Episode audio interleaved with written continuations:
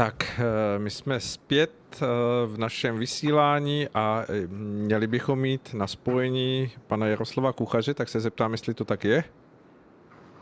Dobrý den, slyšíme se? Slyšíme se výborně, zdravíme vás a já jsem velmi rád, že se po nějakém delším čase oběd objevujete nebo ozýváte v našem rádiu, protože eh, vím, že posluchači náš pořad, který jsme měli, poslouchali rádi, takže eh, jsem nesmírně rád, že můžeme dnes na to aspoň takto vzdáleně po nějaké době navázat, protože nám to technické podmínky dovolují. Takže eh, Jaroslave, zeptám se vás, jak se vám daří vůbec? Daří se mi v rámci možností dobře, snažím se udržovat eh, optimistickou a veselou mysl, snažím, snažím se žít v radosti přes ty všechny peripetie, které máme a myslím, že se mi to docela daří. Takže jste pozitivní svým způsobem. Já jsem se vždycky považoval za realistu, ale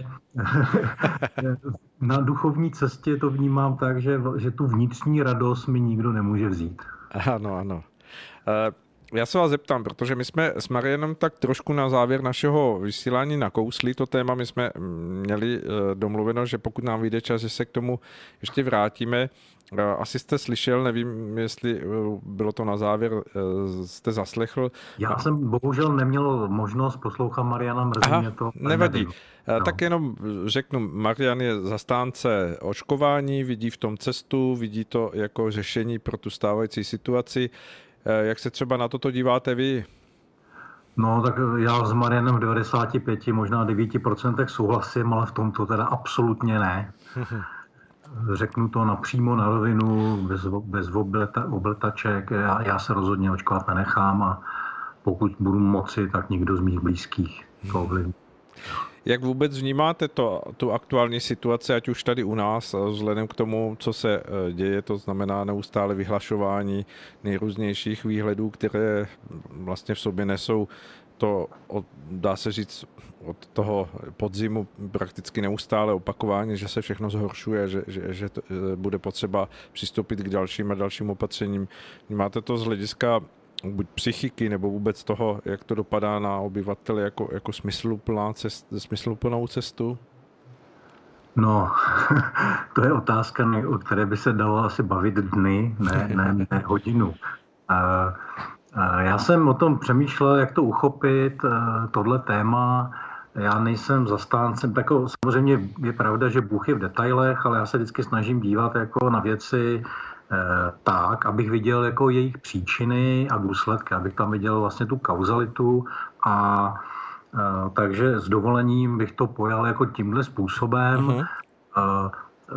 Posluchači, kteří s vás sledují pravidelně a slyšeli některé mé pořady, tak ví, že si myslím, a mám k tomu dost důvodných argumentů, že ten virus je umělého původu a nejen to, je dokonce uměle šířen a e, vědomně jsou tam zatím určité záměry a cíle, tím se ještě určitě dostaneme mm-hmm. a mhm. taky to, že e, a mimochodem podporuje to vlastně třeba i Sonja Peková, ta známá dneska už viroložka, která jako říkala, že už máme tady čtvrtý druh viru, přičemž jako mezi sebou nej, nemají, jako ne, nejsou to ty mutace, oni říkají to mutace, ale ona tvrdí, že to nejsou mutace, že ty odlišnosti jsou tak významné, že vir, řekněme, druhé nebo třetí generace v sobě nenese ty mutace třeba z první generace. Jo? Mm-hmm. A srovnala to, srovnala to s těmi pejsky, jakože že vlastně mezi těmi viry je podobnost jako mezi, mezi Labradorem a, a Pinčlem. Jo? Takže e, z tohohle pohledu vlastně je to takový nepřímý důkaz a proto po ní tak jdou a proto, proto ty její názory jsou jako mediálně dehonestovaný, protože vlastně s přímým důsledkem jako týdle pravdy je to, že, že vlastně ten vir je uměle šířený. Hmm. Jo? To nemá jinou logiku. Se nemůže, ona na to odpověděla jako krásnou replikou, že ty netopíři z té, nebo z té jeskyně někdo vypouští a že ten management té jeskyně by, měla, by se měl zavřít. Jo? o, o, Ono to asi vypadá zajímavě i v kontextu toho, že se tady hovoří vždy o takových vlnách a vypadá to tak, jako kdyby se ta, ta vlna vždycky nějakým způsobem začala vyčerpávat a z ničeho nic se objeví další vlna, která přináší nárůst a hovoří se o tom, že je ještě agresivnější, že je ještě více nebezpečnější. Takže eh, vy hovoříte vlastně o, o, o těchto vlnách, jakoby o tom, co co se dá hovořit o těch vlastně nasazovaných nějakých... Jo, jo přes, přesně, přesně, přesně takhle je a, jen, a vlastně i tohle, ty argumentace, i to, jak je straší, tak vlastně jenom neříká to nic jiného, je to vlastně nějaký nepřímý důkaz toho, že je to celý řízený nějak zůry, myslím tím celoplanetárně, jo, nebo, nebo na úrovni teda, eh, řekněme, té naší, civil, toho našeho civilizačního okruhu aspoň. Hmm. A eh, je to, je to z mýho pohledu dneska zřejmý, kdo to, kdo to chce vidět, tak to vidí, kdo to nechce vidět, tak už to asi neuvidí. Hmm. A je to tedy eh, z vašeho pohledu jako otázka víceméně jakoby dohadu, anebo, nebo máte víc, nějaké in, indicie, které by dal, dali více méně. No, no tak já, já jsem třeba jednu, jednu z těch indicí jsem tady o tom mluvil a to je to hmm. právě co, co, co ta čistá duše z mého pohledu, jako Sonia Peková, která je vlastně, ve, já, já tam vidím ten tu pohádku, eh, jak, nevím, jak se jmenuje, ale ten král je nahý, že řekne dítě, že jo. Mm. Protože jediné čisté a vidí to a ne, nevidí ty důsledky toho, co říká. Jo? A stejně tak i ona vlastně na jaře už jako mluvila o tom viru a dávala nějaké informace a teď znovu. Jo? Takže to je, to je vlastně eh, krásná ukázka toho příběhu, eh, ve, který, ve kterým žijeme, že eh, se vždycky najde někdo, kdo ten systém rozloží vlastně tímhle způsobem, jo? Že, že řekne král je nahý. Jo? Hmm samozřejmě je těžký v tomhle tom všem jako to slyšet, vidět, interpretovat a tak. Takže to je jeden, jeden z těch důvodů. Druhý, druhý což je ten technologický nebo technický a, a dru, druhý je, když sledujete média a jak vlastně uh, ty mainstreamové média komunikují, fungují. Takže to jsou to jsou všechno, jako já jako člověk, který se 25 let živí marketingem a marketingovou komunikací, tak tam prostě vidím jako jako scénář, který bych napsal, kdybych, byl, kdybych radil těm, kteří to dělají. Jo? Mm-hmm. Ten rukopis je tam naprosto zřejmý z mého pohledu. Hmm. Na druhou stranu je tady těch teorií o tom mm, původu viru jako celá řada a oni se různě překrývají a možná v tom se jakoby oslabují v těch teoriích, protože někdo hovoří o tom, že svým způsobem vlastně neexistuje žádný virus, že to je pouze nějaká uh, jak to říct, do určité míry eh, záležitost eh, úplně jako vy, vy, vymyšlená a, ty testy, že mm, reagují na pozitivitu nebo negativitu víceméně náhodně. Hmm. těch, těch teorií je tady víceméně jako mnoho. Je, je ale já, já nevím, jo, jako i toto je možné, ale já to považuji za nepravděpodobné právě proto, že, že právě ty virologové, kteří dělají tu kvantitativní analýzu, tak eh, vlastně ten rozloží ten genom do, jo, na, na těch 30 tisíc sekvencí, nebo kolik to má, a vidí přesně, jako, jak to je. Takže, takže z mýho pohledu je to důkaz toho, že ten virus nějak existuje. To, co je podle mě velká, velká manipulace, je, je zdravotní efekty toho viru. Mm-hmm. Jo, tam, tam už to jako samozřejmě jako velká hra. Dobře. A... Čímž chci říct, jako, že, že, že jsou lidi, kteří na to neumřeli, nebo stejně jako na chřipku třeba, že, jo? Mm. Že, to, že to má nějaký zdravotní dopady. Nakonec na jaře jsem o tom takhle mluvil a ten názor se mi na to jsem v tomhle nezměnil zatím. Mm. Ano, ano, já si to pamatuju, takže věřím, že i posluchači eh, si pamatují, eh, v jakém úhlu pohledu jsme se na to eh, už zaměřovali několikrát. Když bychom vyšli teda z té, z té teorie, kterou vy eh, tady přibližujete, že, že to je umělé, co z toho predikujete dál, jak to bude pokračovat, nebo mhm. jak, co si myslíte, že bude v dalším scénáři? Já, já jako nejdřív, jestli můžu, tak ano. Eh, zkusím říct, eh, jaký vidím důsledky. Jo? Dobře, dobře, tak pojďme. Nebo, nebo důsledky. Jaký, v jaký, do jakého stavu s nás to, ten projekt COVID dostal? Dobře. Uh, já to vnímám jako, že jsme se dostali do určitý pasti. Já to teda nazývám klec, protože to je takový slovo, který, který jako v obrazotvornosti jako velmi prospívá.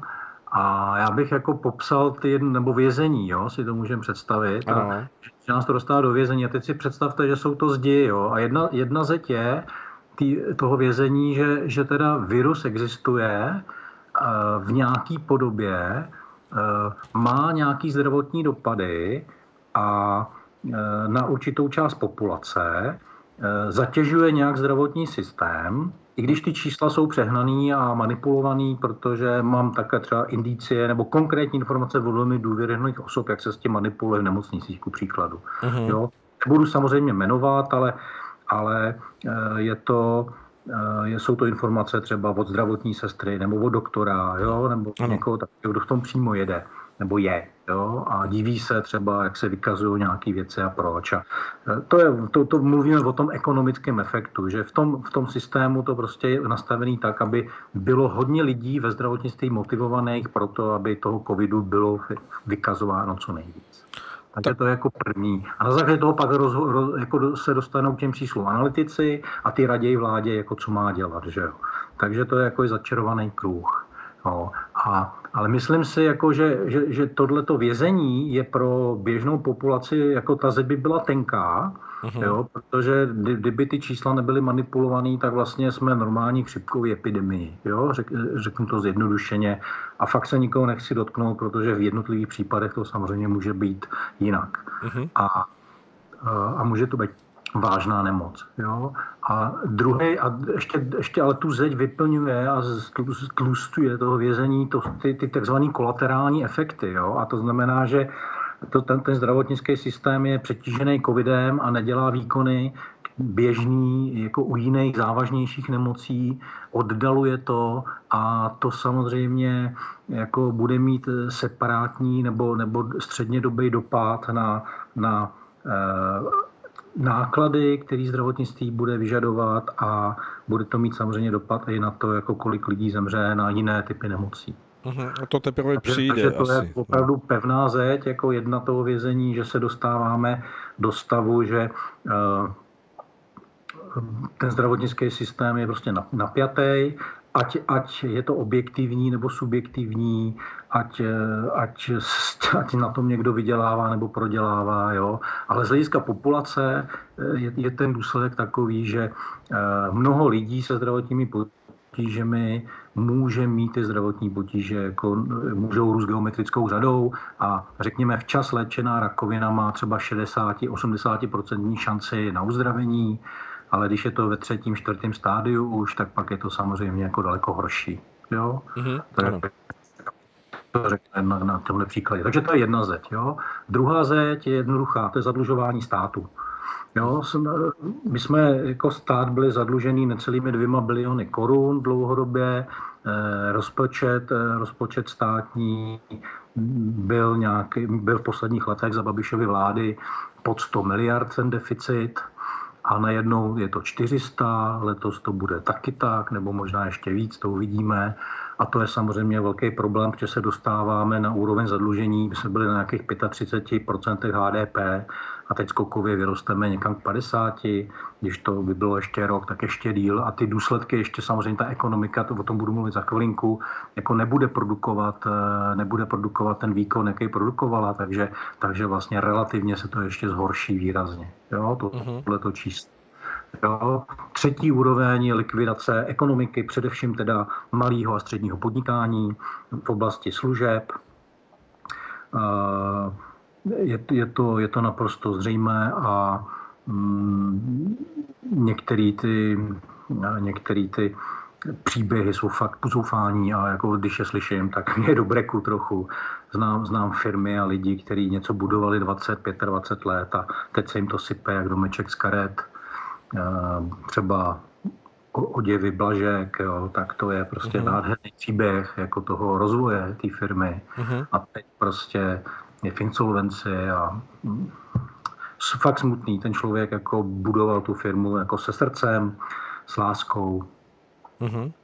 Jo. A takový příběh desítky, stovky, jo. To, se, to, to i malý živnostník, který zavře restauraci nebo bistro, je smutný příběh, jo. Takže a úplně zbyt, z mého pohledu úplně zbytečně. Hmm. A ta čtvrtá, čtvrtá zeď? Toho... Čtvrtá zeď, eh, to je, už jste to nazna, jako ten téma naznačil, a to jsou ty dlouhodobé efekty na populaci. Jo? Hmm. A to je samozřejmě dost obšírný téma. Já zkusím vyjmenovat aspoň základní body. Roste počet sebevražd, příklad. Jo? Uh-huh. Roste domácí násilí, jak jsou lidi zavření spolu. Jo? Obecně, obecně jako ty lidské vztahy se dostávají jako do krize, jo? dostává se do krize důvěra ve stát. Jo? Uh-huh. To byla vždycky teda, jo, ale teď to roste teda jako opravdu velmi intenzivně. No a to, co je z mýho pohledu nejhorší, eh, je dopad na děti a mladou generaci, kteří nechodí do školy, chybí jim ty sociální kontakty, eh, chybí jim vzdělání, protože eh, jestliže si představíte třeba dítě ve třetí třídě základní školy, jak může udržet pozornost v, v hodině, kdy je připojený na monitor, učitelka tam komunikuje s 25-30 dětmi, který vidí jenom jako malý body na obrazovce, eh, nemá možnost nějaký kontroly, není tam ta interakce jako přímá. Jo, ty děti prostě, já to vidím doma, v domácnosti, děti, děti neudržej pozornost jo, a hmm. je, to, je to prostě problém, eh, má to vliv pak jako samozřejmě i na to, jako co považuji za důležité, v kombinaci s tím, jako jaký hrajou počítačové hry, jaký filmy, na jaký filmy se dívají, tak jako tohle to se celý boří. Uh, ono je to, ono už vůbec jako, jako teď už to řeknu trošku ze široka, jo.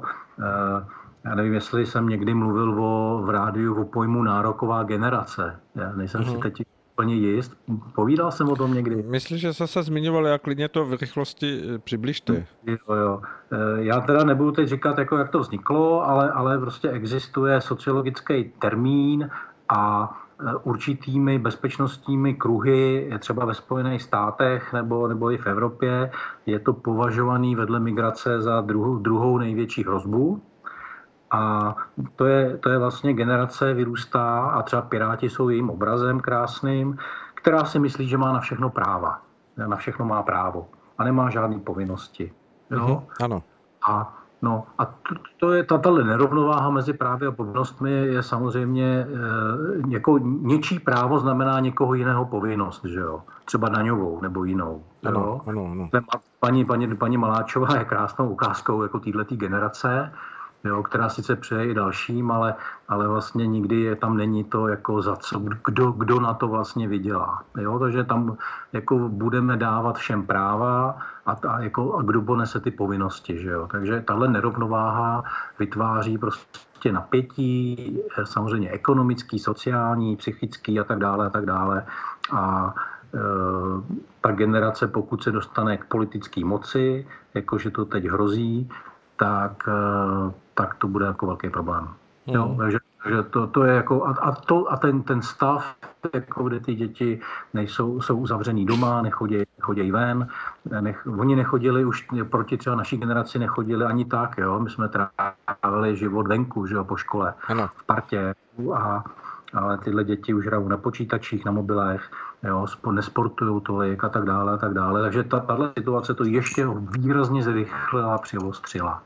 Jo, takže to, to jenom tak velmi, velmi zkratce, ve velké zkratce tedy, a, ty, tyhle ty efekty. Mm-hmm. A, a, a pak je to ta, ta třetí zeď teda, jo, nabouraná psychika a hodnotový systém. A čtvrtá zeď je vlastně něco, co bych nazval, že se, že se podařilo národ opět rozdělit, jo, jako další linie střetů. Mm-hmm. A, už to není jako Zeman versus někdo jiný nebo Babiš versus někdo jiný, to byly taky, ty zůstávají samozřejmě, ale ještě tady je výrazná rejha v populaci eh, na, na, mezi těmi, kdo, eh, kdo jako, jako chtějí se nechat očkovat a považují to a mají strach a tohle a proti těm, kteří to zase bagatelizují na druhou stranu, jo, Mm-hmm. Takže ano. polarizace, tahle polarizace je taky velmi nebezpečná, protože když si to představíte do důsledků,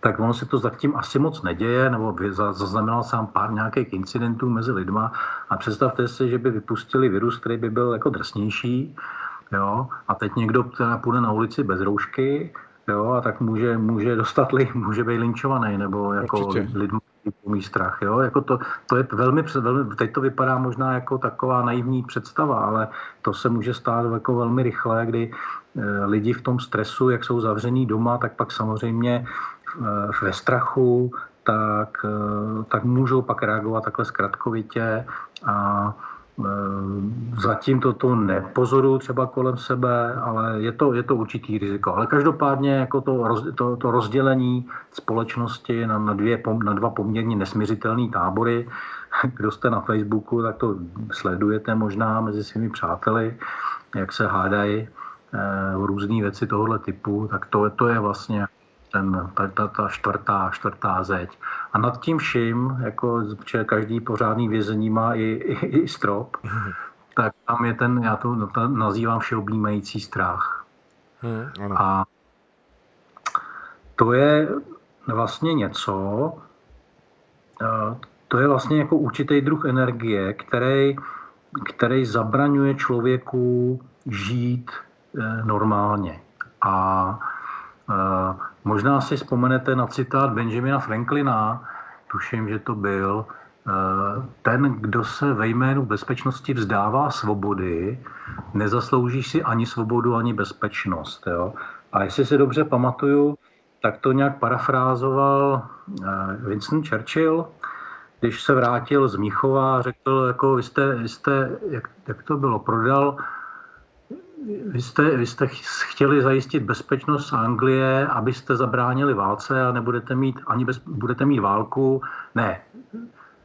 Vy jste, vy jste hm, ne, nepřipa, nepřipomenete mi, to je. ne, ne, jo.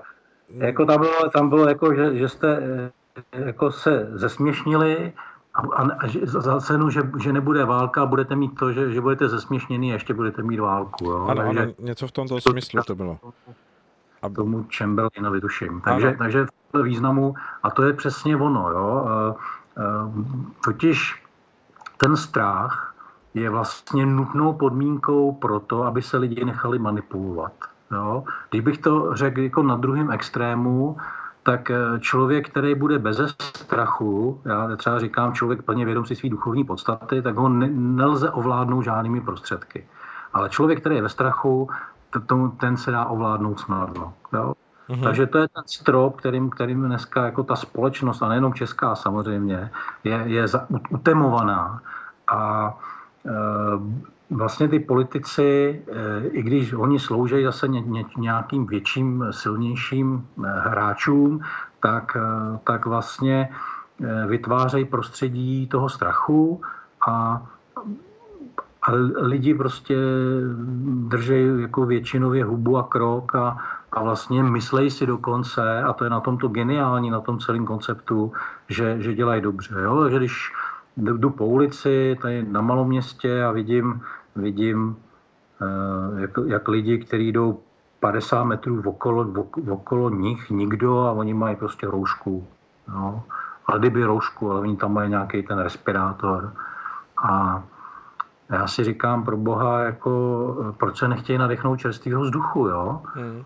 A jako já chápu, že, že jako třeba si ji vemu do výtahu, jo, když bydlej v paneláku nebo, nebo do obchodu je to povinný, řekněme, ale, ale jako na čerstvém vzduchu někde to už, to už jako hraničí s nějakým takovým, jako opravdu ta manipulace je obrovská, jo, a vemte si jako ty první první případy, když přijeli první injekce, první, první očkovací séra, tak vlastně jako některý eh, lidé, jako který měli tu moc, ale neměli, nebyli v těch prioritních skupinách, tak se přesto nějak nechali naočkovat a bylo kolem toho jako v médiích poměrně show. Jo. Tak to je přesně, to je přesně ono, ten strach vlastně je tou největší pastí, před kterou stojíme. A vždycky to tak bylo, vždycky, když přicházela nějaká totalita, tak eh, se vytvořil nepřítel a vybudil se strach z toho nepřítele. A jedno, jestli to je cizí národ, nebo virus, nebo, nebo no, já nevím, co mě napadá, nějaký náboženství třeba, nebo hmm. jo. Jo, to je, to je vlastně pořád stejná hra. Dobře. Takže eh, tohle, tohle, je ten, tohle je ta aktuální situace uh-huh. a ta hra je rozehraná tak, že Eh, z mýho pohledu, pokud dostatečný počet lidí si tohle to neuvědomí a nezačne se chovat racionálně, tak, tak vlastně ty, ty, ty, ty šrouby se budou utahovat i dál. Uh-huh.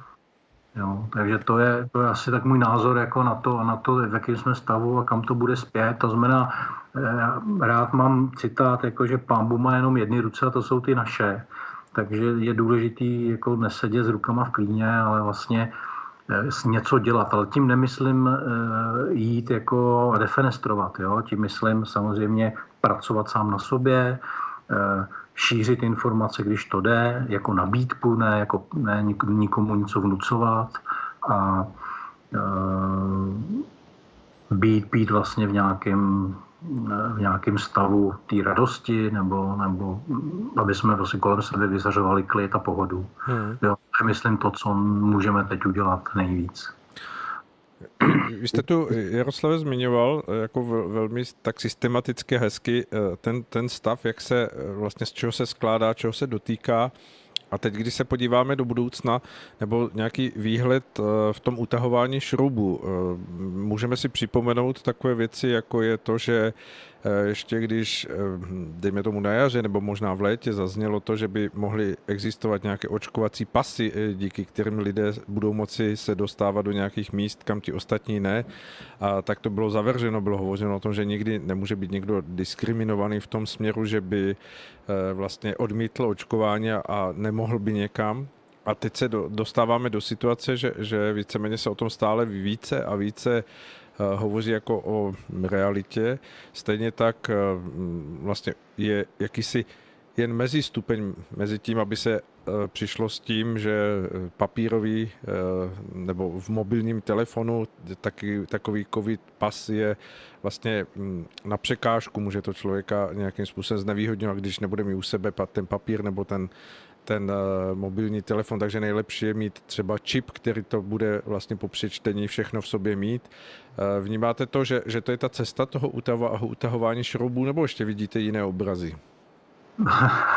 já, já, já nevím, já v obrazy, já mám obrazy různé, jo. Taky jsem bez pochyby mluvil o jedné knize, většina lidí dneska cituje Orwella, ano. ale já, já rád cituju nebo vlastně vybavuju si příběh, eh, který napsal Aldous Huxley, nevím, jak se to přesně vyslovuje to jméno. Uh-huh. Ta knížka se v češtině jmenuje Statečný nový svět, tuším. Ano, Brave od, odvážný, odvážný nový svět, ano. A ten popisuje tu společnost jako poměrně, poměrně ne tak tvrdě, ne tak, ne tak jako ve smyslu ve smyslu toho, toho tlaku, toho systému, toho orvelovského násilí, který odpovídalo jako těm tvrdým totalitním režimům, ale bylo to měkčí, jo, a uh-huh. to mě připomíná, anebo Kavkův proces, jo, to taky uh-huh. popisuje poměrně hezky, takovou tu měkkou totalitu a jako my jsme, na, my jsme nakročeni, jo, k tomuhle tomu a e, já teda mám dlouhodobě názor, že jsme vlastně v žádné skutečné demokracii téměř nežili, Jo? Že vždycky to byla nějaká podoba plutokracie, to znamená vláda, vláda nějakých eh, elit eh, ekonomických, který se propojují s tou politickou, s tím politickým establishmentem. Jo? Uh-huh. Je to po celém světě a bylo to tak vždycky, nevidím prostě žádnou výjimku nikde. Jo? Jenom iluze, jako do určitý míry demokracie vždycky byla iluze, jo? protože tam někdo si koupil, koupil ty politiky protože prostě měl na to prachy. Jo? Uh-huh. ať to byl Rockefeller nebo v Americe nebo, nebo u nás jako někde, někde jako eh, a nebudu radši tady jmenovat. Dobře, a když to... Představíte si ty naše oligarchy různé, že jo? jo. Asi tak, to není těžké, no. A... No, není těžké. Takže, takže jako já, já teda osobně jako si myslím, že na demokracii v podstatě jako Eh, můžeme zapomenout. Eh, v tomhle smyslu je otázka jenom vlastně míry snesitelnosti toho plutokratického režimu. Jo? A zatímco třeba v západní Evropě po druhé světové válce a u nás od 90. let to nějakou dobu bylo snesitelný, jo? Uh-huh.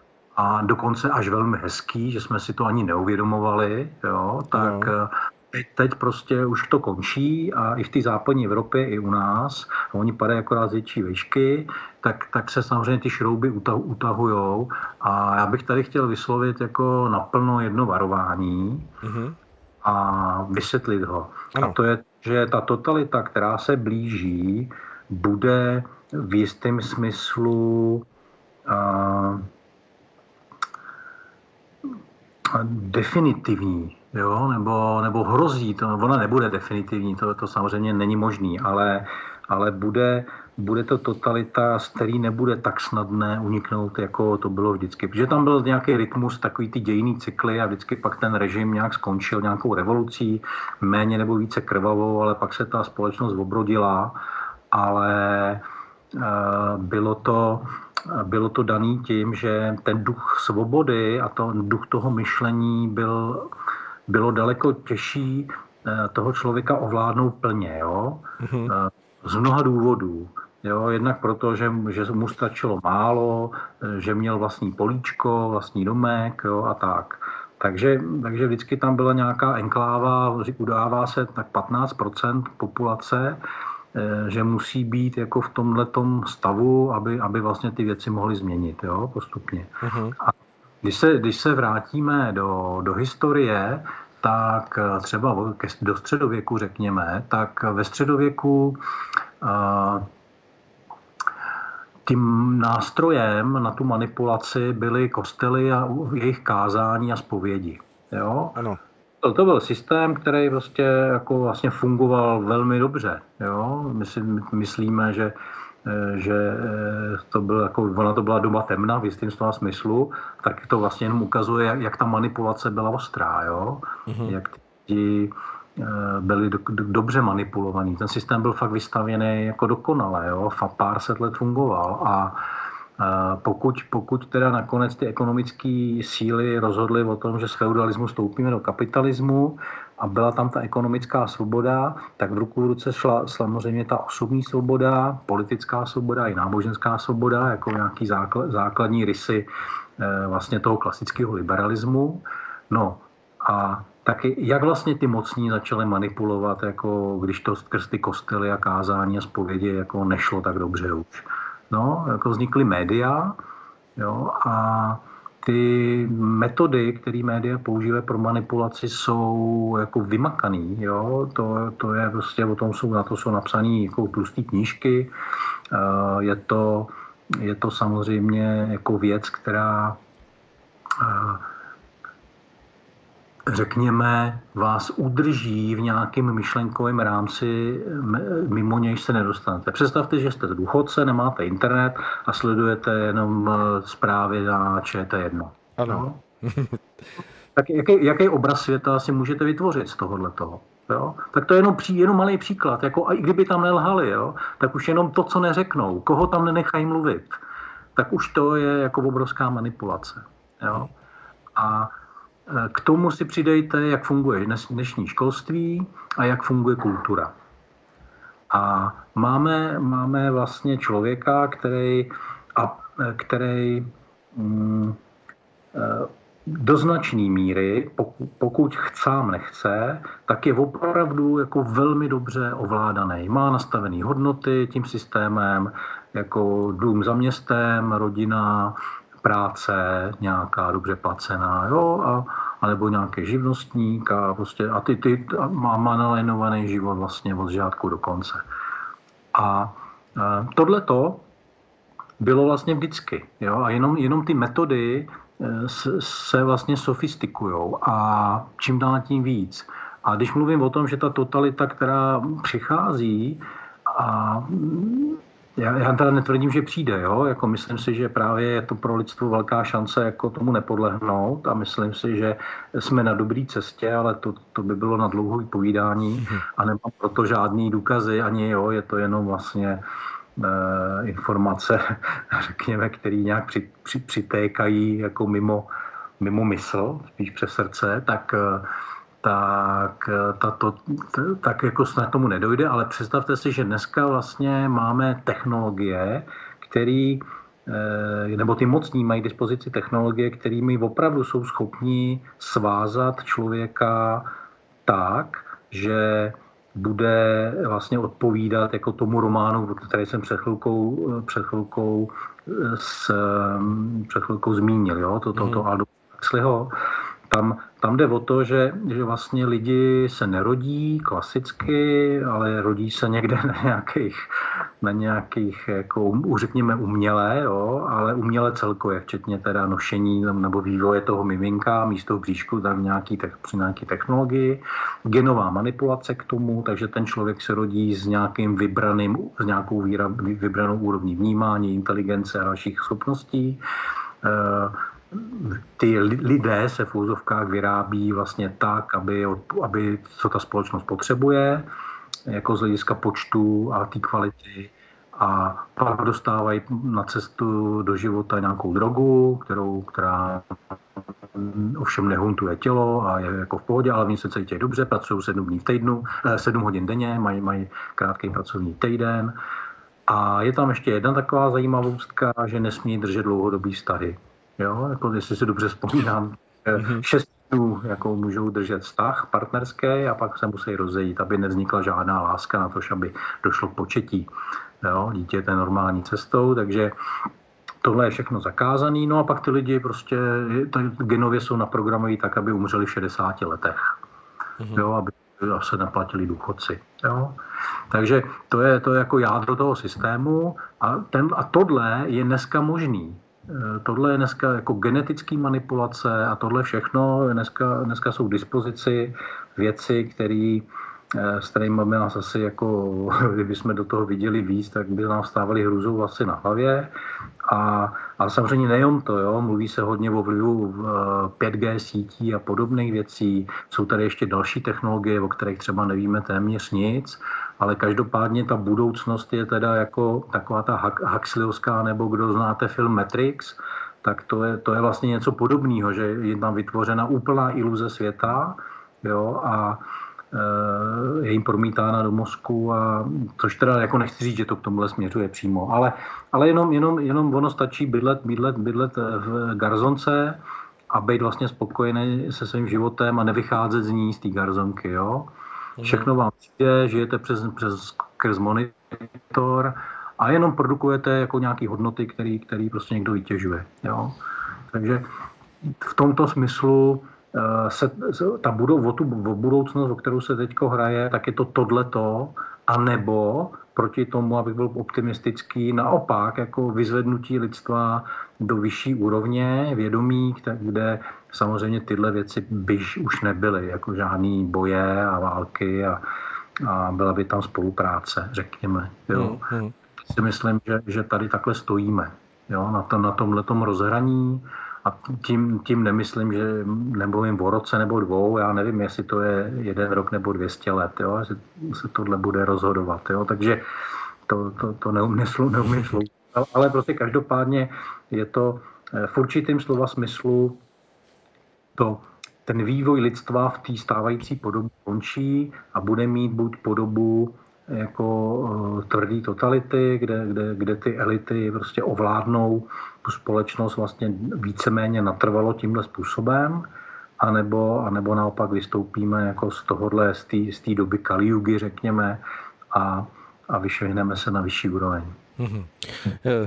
Souhlasím s vámi, já mám samozřejmě v Praze byt, takže eh, vím, o čem hovoříte a když člověk v dnešní době potkává lidi, tak skutečně může vnímat tu určitou hm, rozporuplnost, nebo hm, jakou si, vy jste to popsal, rýhou těch názorů, eh, které jsou opravdu ještě z mého pohledu přitěžující, protože samozřejmě hm, jakoby jsme potom dělali práci za, za ten systém, že vlastně lidé mezi sebou plitvají tím určitým eh, názorovým střetem silami, které když by se využili v tom pozitivním, v, to, v tom tvořivém, tak by, tak by samozřejmě k tomu určitému prohlédnutí nebo posunutí té společnosti mohlo daleko eh, s nás eh, přijít dřív, ale to už je taková situace a hm, vy jste to zmínil hezky, že hm, je tady vlastně možnost tvořit jakousi osvětu nebo být, být v, té, v té osvětové rovině.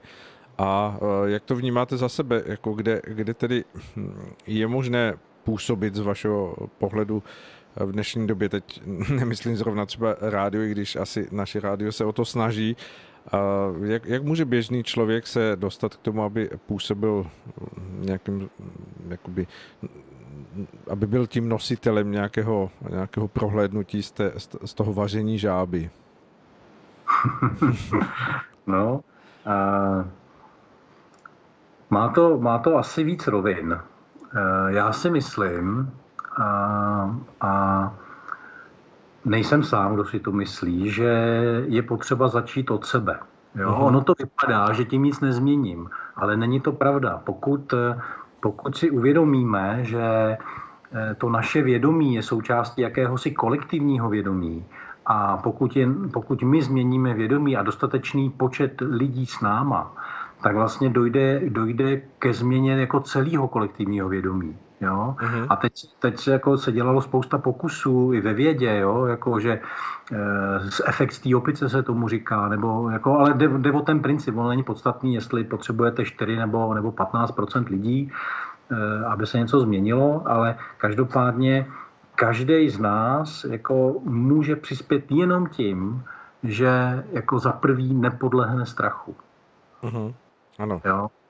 E, za druhý si přizná, v čem žijeme. To znamená to, co jsem tady popisoval, jo? že to je prostě vědomý projekt, jehož cílem je nastolit nějakou trvalou totalitu e, kde se bude ovládáno vědomí člověka do značné míry, jeho, bude blokován jeho duchovní růst a takovéhle věci, tak tohle prostě si přiznat je samozřejmě velmi bolestný. A já jsem zažil eh, v rámci svého působení jako na veřejnosti nebo třeba v rámci hnutí cesta, že jo, eh, jak to ty lidi, když jim to řeknete na to, tak to je pro ně šok, který, který prostě vydechávají nějakou dobu. Jo? A fakt to není příjemný. To plný uvědomění si té reality je prostě bolestný proces.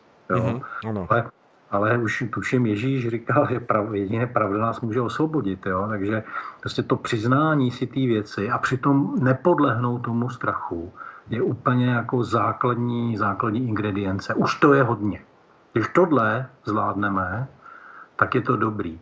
Když tomu přidáme to, že nebudeme bojovat, a tím nemyslím, že se nebudeme bránit, jo, mm-hmm. ale nepůjdeme do agresivity, nepůjdeme do pomlouvání druhých, nebudeme si říkat, jako tam ta skupina jsou blbci, protože to nechápou a tak dále a tak dále, ale prostě uvědomíme si, že v té hře eh, toho života eh, prostě každý máme nějakou roli a i oni, i, tyto lidé mají nějakou roli, aby nám třeba něco ukázali. Jo? Mm-hmm. A e, jako přijmout to, tu situaci, vlastně, že to tak je.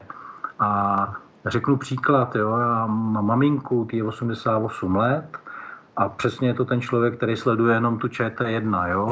Takže já jí těžko vysvětlím, jako, že by se neměla nechat očkovat. Že to má prostě obrovský zdravotní rizika pro ní. Ona je prostě úplně klasická ukázka jako toho, těch rizik, jo, který, který jsou definovaný vlastně v souvislosti s tím virem, ale i s tím očkováním samozřejmě tím pádem. Takže e, a, tak nezbývá než se s ní smířit. Jo? Já mhm. nemám žádný pák, jaký přesvědčit, ale dokonce si myslím, že by to i nebylo správné, protože prostě každá, každý člověk, každá duše má svoji svobodu a, a ten příběh jako odehraje, může mě to bolet, ale to je tak všechno, co s tím můžu dělat. Hmm. Takže tohleto přijetí té reality, i když je bolestná, jako se všema těma průvodníma jevama, právě to, že se to dotýká našich bližních nebo eh, nebo někoho, koho máme rádi, nebo jsme, jako cítíme zklamání, že někdo se nějak projevil, třeba nějaký sportovci, že jo, jo Eh, kterým jsme fandili a najednou se ukáže, že mají úplně takzvaně cestný názory z našeho pohledu, jo, tak nechat to být, jako nemít tam ty emoce negativní, prostě říct si, jo, je to, je to člověk má tento názor, asi vyplývá z jeho životní zkušeností, eh, když by se mě zeptal, tak mu řeknu svůj názor, jo, hmm. tečka. Jo, takže to, tohleto celé to osobní nastavení je je, je úplně za úplným základem. Bez něj nemůžeme podle mého soudu změnit nic. Když půjdeme demonstrovat a házet politiky z okna, tak jenom budeme lít olej do ohně. Hmm.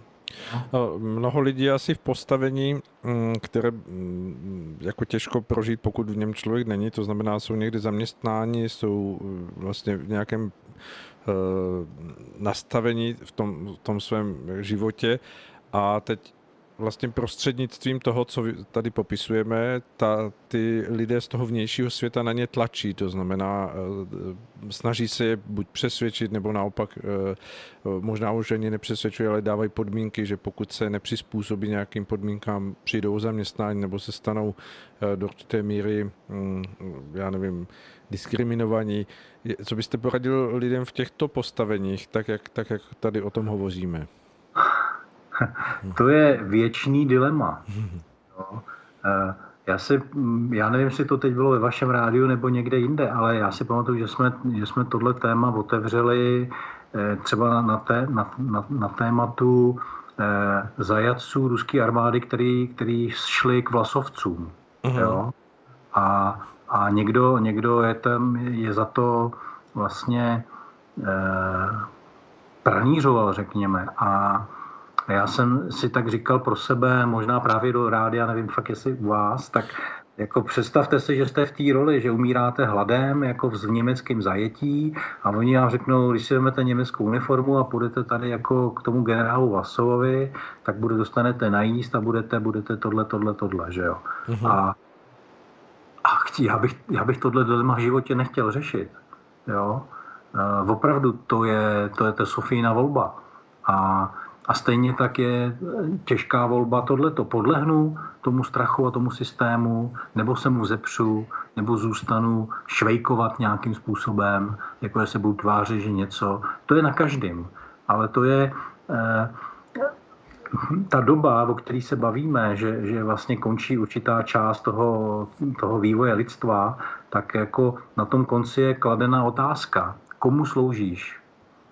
Mhm. A Možná, že tyhle dilemata jsou jako tou otázkou, na kterou máme odpovědět činem samozřejmě. Jo?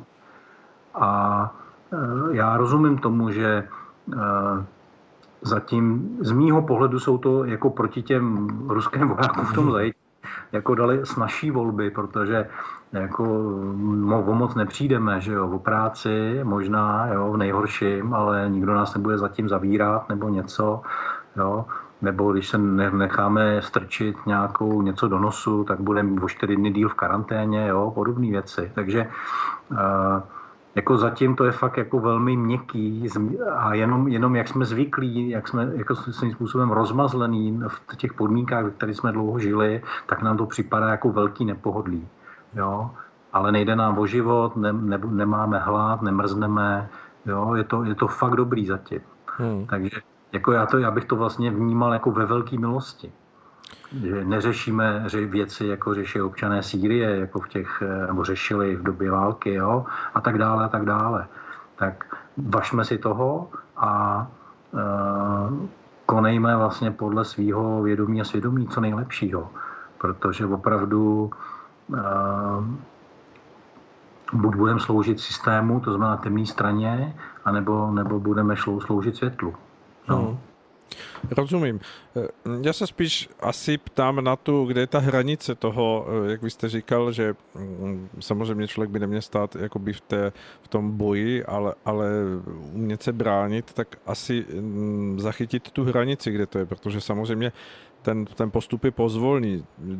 To všichni, všichni vnímáme, že na jaře, když vlastně bylo hovořeno o rouškách, tak to, tak to vlastně lidé s určitou tím strachem, který dopadl na tu společnosti, přijali, pak si uvědomili, že je to eh, něco, co vlastně nechtějí, ale teď, když se vrátí zpátky, tak, tak zjistí, že eh, je jim řečeno, že buď budou nosit dvě roušky nebo respirátor a v tom směru ta jedna rouška se jeví už jako, jako vlastně něco jako úžasného. To znamená, že, že, že tam dochází k tomu, posunu, kde je ta hranice toho se, se bránit a, a mít e, svoji vlastní no. vnitřní jistotu, že, že člověk dělá dobře?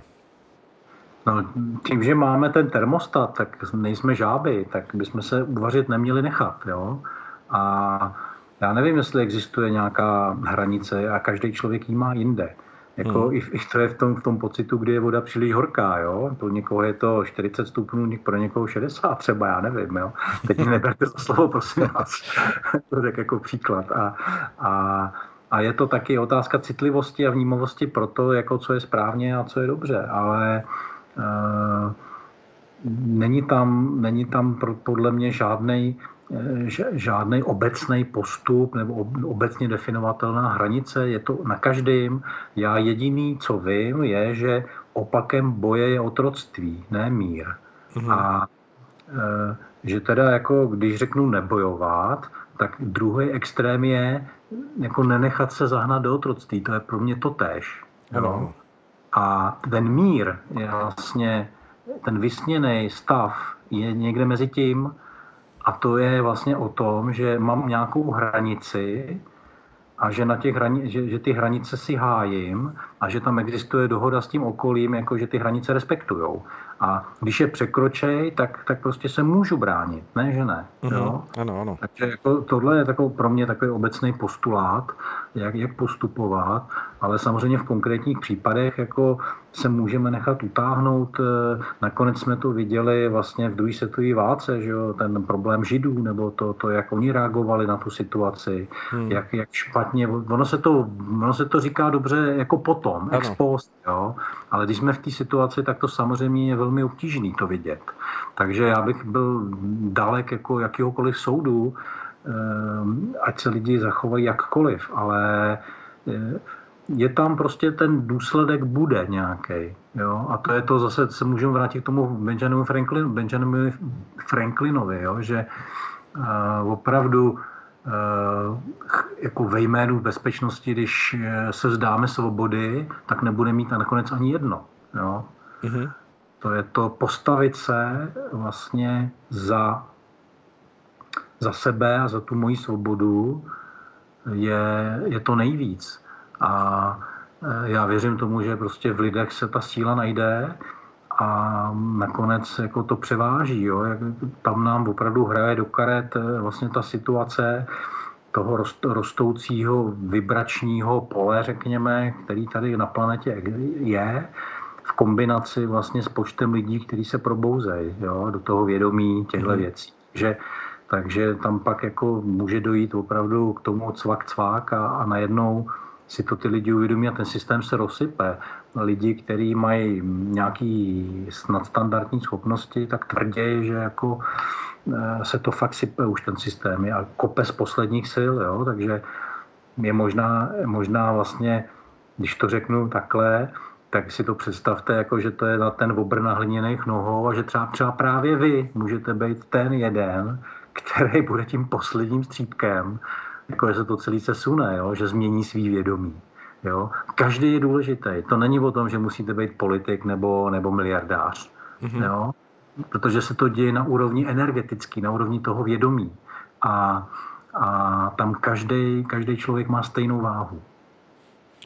S tím se asi dá samozřejmě jako souhlasit a myslím si, že i posluchači to chápou a souhlasí s tím, co říkáte, protože ono ani jiná cesta se nenabízí než eh, toho, že především člověk vybojuje ten boj sám v sobě nebo tu určitou stabilitu a, a vnitřní jistotu, kterou potřebujeme, protože samozřejmě eh, ten, ten vnější svět neustále se snaží tu vnitřní mm, hladinu toho našeho klidu nebo to, té, té jistoty eh, rozkolísat. A v tom si myslím, že se odehrává to nejdůležitější a věřím tomu, že, že tak, jak to popisujete, že, že hmm. eh, těch lidí v, té, v tom nasčítání té klidné hladiny bude co nejvíc, aby eh, vlastně ve výsledku ta, ta, tato rovina nějakého vnitřního naladění byla tím, co vlastně rozsype ten systém. Ale to je všechno no. otázka.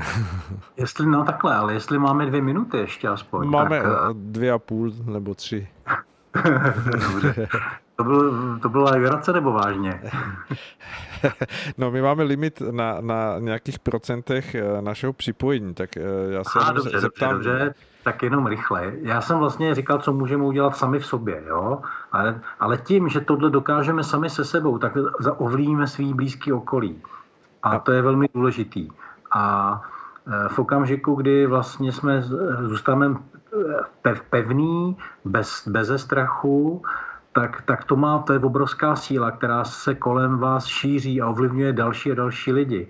Jste příkladem pro dva, pět, sedm, patnáct lidí kolem sebe Mm. Ale když to udělá 100 tisíc lidí, tak je z toho 1,5 milionu lidí najednou, že jo? Ano. Jo, rozumíme si. Jo? No, samozřejmě, ano. Takže, takže, takže ono, ono to je to, že nesete v sobě jako nějaký vyzařování, který ty lidi vnímají podvědomně a pak se vás třeba zeptají, vím, jak odpovíte, a oni na základě to udělají nějaké rozhodnutí a najednou mají v sobě tu jistotu a tu sílu. A to se pak, to je ta, to je ta tsunami, která vlastně jako, jako se takhle vytváří.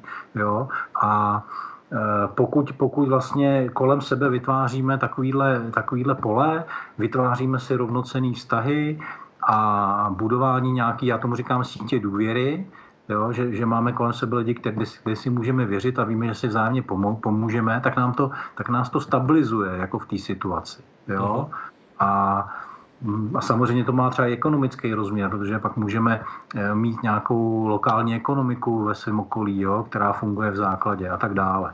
Jo, takže to je to. A pak, pak ještě poslední úvaha, a to je, to je vlastně ta politická rovina, ano. tak pokud bych se ptal, nebo pokud byste se zeptal vlastně, co můžeme udělat na téhle úrovni, tak vlastně máme jenom, jenom jednu cestu. Z velké teda, to je taky pravda, ale to jsem ani tak nemyslel. Ale, ale jediná, jediný způsob, jak, jak to změnit, je, je vlastně zbavit se té moci toho, toho té globální chalit a to, to, tou cestou je decentralizace. Jo, co nejvíc věcí rozhodovat na místní úrovni nebo na lokální úrovni nebo na nějaký úrovni jednotlivých zemí třeba. Jo.